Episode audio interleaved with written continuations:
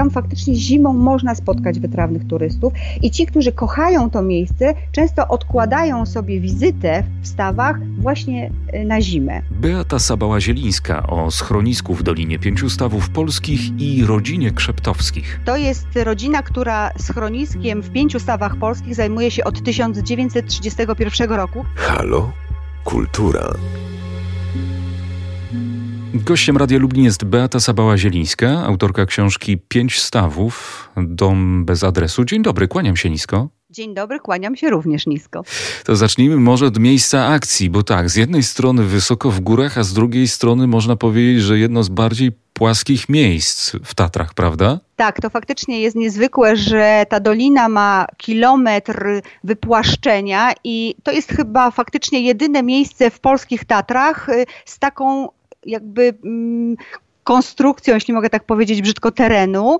Y, z drugiej strony w otoczeniu cudownych szczytów, więc mamy przestrzeń, oddech, a jednocześnie czujemy tę wysokogórskość. No i miejsce tak naprawdę e, związane z wyjątkową e, górską, tatrzańską rodziną. Tak, mówimy o rodzie Krzeptowskich. E, to jest bardzo stary ród wywodzący się od Jana Krzeptowskiego Sabały, tego Sabały legendarnego, który jest ikoną Zakopanego.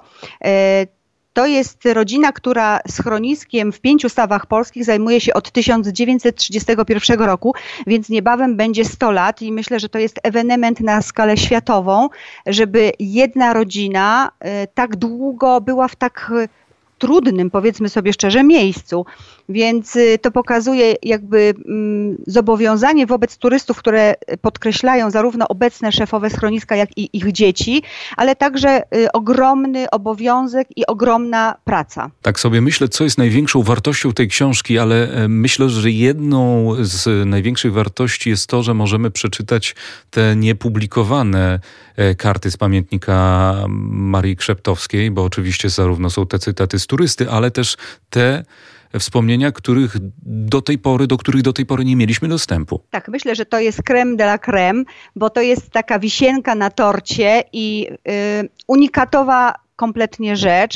Owszem, te, te pamiętniki pani Marii były y, częściowo publikowane w 1960 roku w takim czasopiśmie Turysta, ale oczywiście nie wszystkie fragmenty, nie całość. E, ja dzięki rodzinie Krzeptowskich y, dostałam ten pamiętnik do ręki, mogłam go przeczytać, zachwycić się nim i wybrać również dla Państwa te mm, fragmenty, które uznałam, że będą właśnie pokazywały nie tylko historię tego miejsca, ale także charakter pani Marii, bo y, trzeba powiedzieć sobie otwarcie, że tam to miejsce mogą prowadzić wyłącznie ludzie, ludzie z charakterem, ludzie po prostu z, no, z twardą skórą, tak? To nie mogą być mięczaki. To tam trzeba mieć naprawdę y, wolę walki i wolę takiego przetrwania.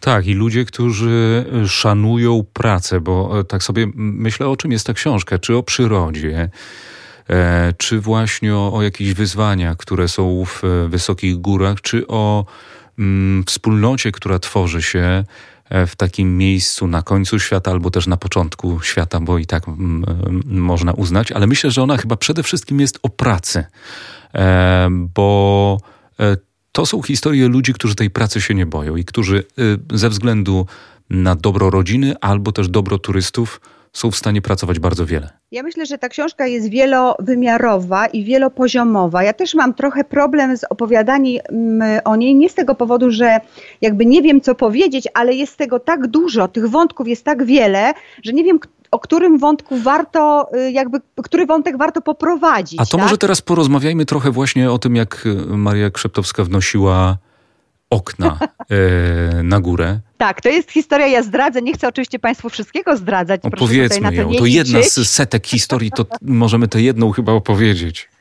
Tak, e, to było e, w czasach, kiedy budowano mm, schronisko tak zwane Stryjeńskiego, bo według projektu Karola Stryjeńskiego i jakby pod jego okiem, z jego uczniami między innymi i to był 1924 rok i był pierwszy etap, kiedy składano drewno na to schronisko, bo, dre, bo schronisko było całe drewniane, w cudownym stylu zakopiańskim. Te zdjęcia w jakichś takich starych pocztówkach, może Państwo gdzieś tam jeszcze znajdziecie, albo w starych albumach. Niestety ono spłonęło, więc y, doszczętnie, więc nic tam nie zostało z tego schroniska w 1946 roku, e, czy 5, Boże kochany, już nie pamiętam, przepraszam, ale nie, w 1945 na koniec wojny. I e, tam był taki moment, że kiedy wybudowano już to schronisko, to wnoszono framugi okienne e, z wodogrzmotów Mickiewicza. Trzeba je było wnieść na plecach. I mm, pani Maria, która wtedy była młodą dziewczyną i pracowała w schronisku w Rostoce z rodzicami, postanowiła zarobić, bo za tę czynność bardzo dobrze płacono, bo 5 zł 25 groszy za wniesienie framugi. I pani Maria o świcie, przed tym jak wszyscy wstali, e, szła do wodogrzmotów, brała pod taką framugę jedną albo dwie, chyba jedną brała i wynosiła ją y, do mm, pięciu stawów. Potrafiła tych framug wynieść, ona twierdzi, że wyniosła wszystkie framugi do tego schroniska, ku w ogóle jakiemuś zaskoczeniu i zdziwieniu wszystkich mężczyzn pracowali na górze, po prostu nie chcieli uwierzyć, że ta kobieta potrafi taką ciężką framugę okienną wnieść. Tak, wnosiła rano y, framugę, a potem schodziła na dół i jeszcze e, pełniła inne obowiązki na dole. To pokazuje dla mnie najbardziej chyba ta, ta, ta, ta historia, ta anegdota, e, jak tej pracy ten, e, ta, ta, ta rodzina się nie bała i się dalej nie boi. To jest w ogóle ciekawa historia, też związana z tymi współczesnymi czasami, jest taka, że Często jest tak, że ludzie jak przychodzą tam do pracy na przykład sezonowej, w wakacje, myślą sobie, że przychodzą do cudownego miejsca i będą mogli chodzić po górach. W ogóle wspaniale, no żyć, nie umierać, pracować w takim miejscu, bo codziennie będę sobie wychodził na kozi, będę sobie wychodził na zawrat i tak dalej. E, I mm, szefowe schroniska właśnie śmieją się, że zderzają się z, taką, z takim myśleniem ludzi, że to jest miejsce, w którym się odpoczywa jakby, tak, że praca jest dodatkiem do gór, podczas gdy jest zupełnie odwrotnie odwrotnie, tak? Góry są dodatkiem do pracy, bardzo ciężkiej, bo w tym sezonie oni tam no, harują od świtu do nocy. I jeżeli ktoś chce skorzystać z tych gór, to musi po prostu wstać o trzeciej w nocy i pójść sobie o świcie y, w góry i o siódmej ma być gotowy do pracy. I tam y, są bardzo jasno postawione priorytety i nikt tych priorytetów od 1931 roku nie zmienił i mm, tam przede wszystkim się pracuje. To jest miejsce, które gościło, przez które się przewijało wiele e, znamienitości, ale o ludziach chcę porozmawiać za chwilę. Najpierw jeszcze o zwierzętach, a w zasadzie o jednym wyjątkowym psie, o, o filancu. Tak. To y, pies, którego pani Maria kochała nad życie. Y, którego przemyciła sobie pod okiem y, strażników granicznych, o tym też jest y, w jej pamiętniku. I to był bardzo mądry pies, który nie tylko ich jakby wspomagał w pracy, bo on tam w ogóle wnosił Wciągał drewno. na górę wciągał drewno, ale też okazywało, okazało się, że był psem ratowniczym, chociaż nie był jakoś specjalnie do tego szkolony, ale tak dobrze znał teren, że e, zachęcam Państwa i będziecie Państwo mieli wielką radość przeczytania tej anegdoty, jak uratował jednego z najbardziej znanych przewodników tatrzańskich, który szedł z klientem w śnieżycę i w mgłę. Więc opowieści o Filancu są wzruszające, cudowne. Niestety pies e, skończył tragicznie i to też jest w pamiętniku. No dobrze, to teraz porozmawiajmy o, o ludziach. Jakie wielkie nazwiska gościło właśnie to miejsce? No wszystkie wielkie nazwiska, no matko, właściwie musiałabym otworzyć encyklopedię i y, wszyscy, którzy kochali Tatry y, i ta elita, która jakby tworzyła też Zakopane, Zakopane pamiętajmy, to był, były lata 30., lata 20., to oni wszyscy się tam przewinęli. Zacznijmy od y, Mariusza Zaruskiego, który w ogóle zachwycił się Doliną Pięciu Stawów narciarsko i kiedy zjechał właśnie i zrobił taką wyrypę, jak to się mówi po, w narciarskim żargonie, taką wyrypę przez Zawrat, y, potem zjechał właśnie do Pięciu Stawów, potem wyszedł Szpiglasową, zjechał do Morskiego. No jakaś taka niesamowita historia, zważywszy, że oni jeździli na takich dechach ledwo oheblowanych. Powiedzmy sobie szczerze, to były takie po prostu w imię ojca i syna, tak, ten sprzęt narciarski. E, więc on się zachwycił. On w ogóle rozpropagował to miejsce narciarsko i one do dzisiaj, te tereny pięciu stawów, są najlepszymi terenami narciarskimi w Tatrach więc, y, więc Zaruski, więc oczywiście cała masa, no, więc Stryjeński, który jak już wspomnieliśmy, y, mm, taka bohema y, lat dwudziestych, którzy i trzydziestych, którzy, no, Malczewski, Boże, Bronikowski. No ja, teraz mnie pan zaskoczył, bo tych nazwisk jest bardzo dużo, bo to są tak, to są nazwiska ze świata wspinaczy, nazwiska ze świata narciarzy, nazwiska ze świata artystów. E, wszyscy tam albo dreptali, żeby pochodzić po tych górach, albo żeby się wspiąć na zamarłą turnię, która mm, myślę, że mało kto wie, w ogóle rozpoczęła jakiś taki taternicki trend y, y, polski e, i była górą nie do zdobycia przez długi czas. Mm, I y, w końcu tacy właśnie turyści, którzy zachwycali się pięknymi widokami, dreptali sobie nawet wokół stawów.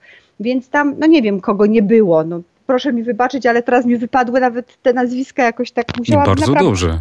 Będą e, nasi e, słuchacze musieli sięgnąć po prostu do książki. No dobrze, to teraz o tak. legendach troszkę, tak? No legendarna na pewno jest szarlotka, którą można zjeść, ale yy, i Biała Dama, która gdzieś tam po okolicach się kręci? Tak, no właśnie z zamarłą turnią łączą się tragiczne historie i też gdzieś tam w tle są duchy, czyli postać matki Bronikowskiego, który zginął młodego młodego 22-letniego studenta, który zginął na zamarłej turni wspinając się. Jest taka legenda, że faktycznie tam krąży od tego czasu biała dama, który pierwowzorem jej prawdopodobnie była mama y, Bronikowskiego, która opłakiwała syna pod ścianą i faktycznie przychodziła tam i w rozpaczy tam wędrowała i krążyła wokół zamarłej turni. No gdzieś tam powstała taka legenda, że y, w tej okolicy jest biała dama, potem ona stała się czarną damą, która strąca taterników ze skał. Więc jakaś taka przypisana jej została no, nieciekawa rola tak, takiej, takiej mściwej postaci. W ogóle wokół Tatry jest trochę legend dziwnych. E, ja to właśnie uśmiałam się troszeczkę i właśnie pozwoliłam sobie na taką prywatną refleksję w książce, że jakoś tak lubimy się bać chyba trochę i, i jakoś poddajemy się tym wszystkim zaklęciom i jakimś e, omamom, które nam mają nam, nie wiem, determinować życie, podczas gdy tak naprawdę chodzi o to, żeby mieć pokorę do gór, i y, myśleć, co się w tych górach robi. Zaczęliśmy od oczywiście historii od początków, ale teraz porozmawiajmy trochę o e, teraźniejszości i przyszłości piątki. Myśli pani, że, że piątka e, wybroni się jakoś przed turystami, którzy no, z jednej strony są błogosławieństwem i przekleństwem tych gór? Tak, to jest miejsce, które jako ostatnie poddało się i poddaje się w ogóle tej napierającej cywilizacji, jeśli mogę tak powiedzieć, e, rozumianej również w ten sposób, że coraz częściej docierają tam turyści mało przygotowani albo mało y, znający Tatry. E, to ma dobre i złe strony, bo powiedzmy sobie szczerze, fajnie jest, jeżeli przychodzą ludzie po raz pierwszy i się tą doliną zachwycą, ale już mniej y, ciekawie jest, jeśli tacy ludzie wybierają się na przykład w trudnym okresie, na przykład zimy albo jesieni, kiedy robi się niebezpiecznie i no, tracą tam życie albo wymagają pomocy. Y, ta masowa turystyka zrobiła się w ostatnich latach no, ogromna. Tak mówi się zresztą, że Tatry są zadeptywane, że jest za dużo mm, turystów i tak dalej. I w pięciu stawach widać ten trend takiego owczego pędu. E, dobrze, jeśli ludzie wiedzą, że chcą pójść tam, że świadomie idą do pięciu stawach, stawów, ale zdarza się, że przychodzą tacy, którzy myślą, że idą do morskiego oka. I to pokazuje po prostu ten kompletny brak orientacji w terenie i świadomości, gdzie ludzie są. I to jest chyba to, co, co denerwuje. Mm, głównie ratowników, tak, że, że jakby no nie wiemy, co robimy w tych górach.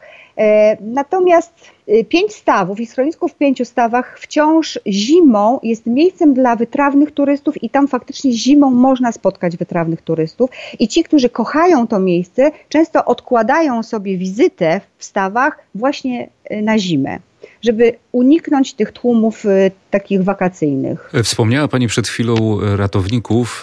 Ja Państwu przypomnę, że nasz dzisiejszy gość to jest także autorka książki Top, żeby inni mogli przeżyć.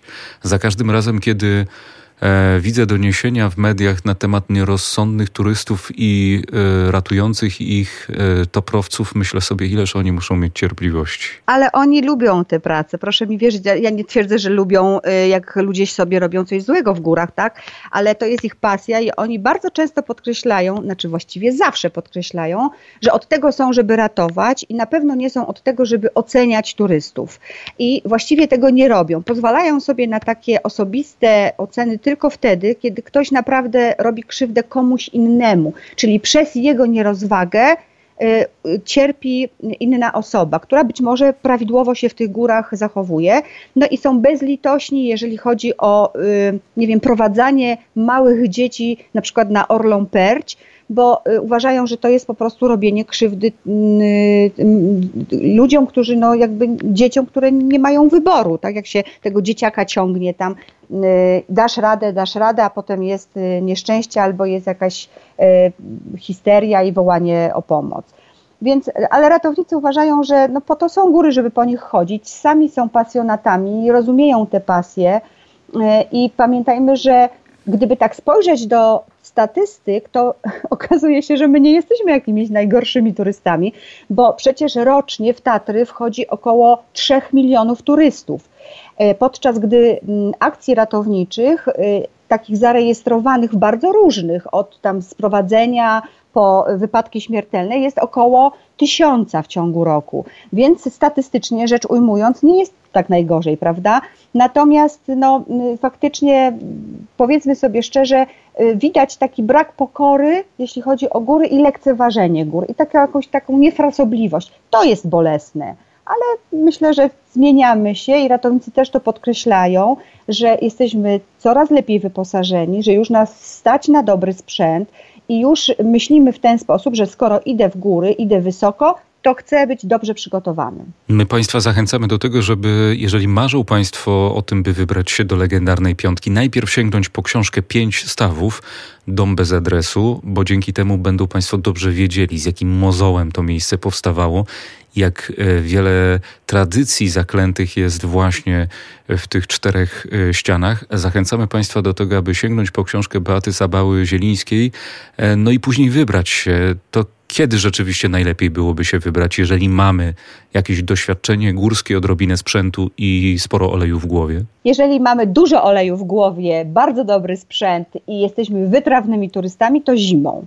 E, natomiast jeśli e, uczymy się dopiero tego, to na pewno warto wybrać się y, latem, ale być może nie w tym najgorętszym okresie, czyli lipiec, sierpień, tylko na przykład w maju troszeczkę już tam zahaczyć, zobaczyć, albo jesień jest piękna. Jesień potrafi być właściwie, my teraz mamy tak cudowną jesień, właśnie patrzę za oknem, jest słońce, są cudowne barwy jesienne i w ogóle no tylko teraz, tak, tylko kolei trzeba uważać na oblodzenia i takie inne rzeczy, no ale powiedzmy sobie jesień taka wczesna, wrzesień, październik, jak najbardziej. Można się wybrać do pięciu stawów. Bardzo dziękuję za tę rozmowę i za tę książkę. Beata Sabała-Zielińska. Dziękuję bardzo. Halo?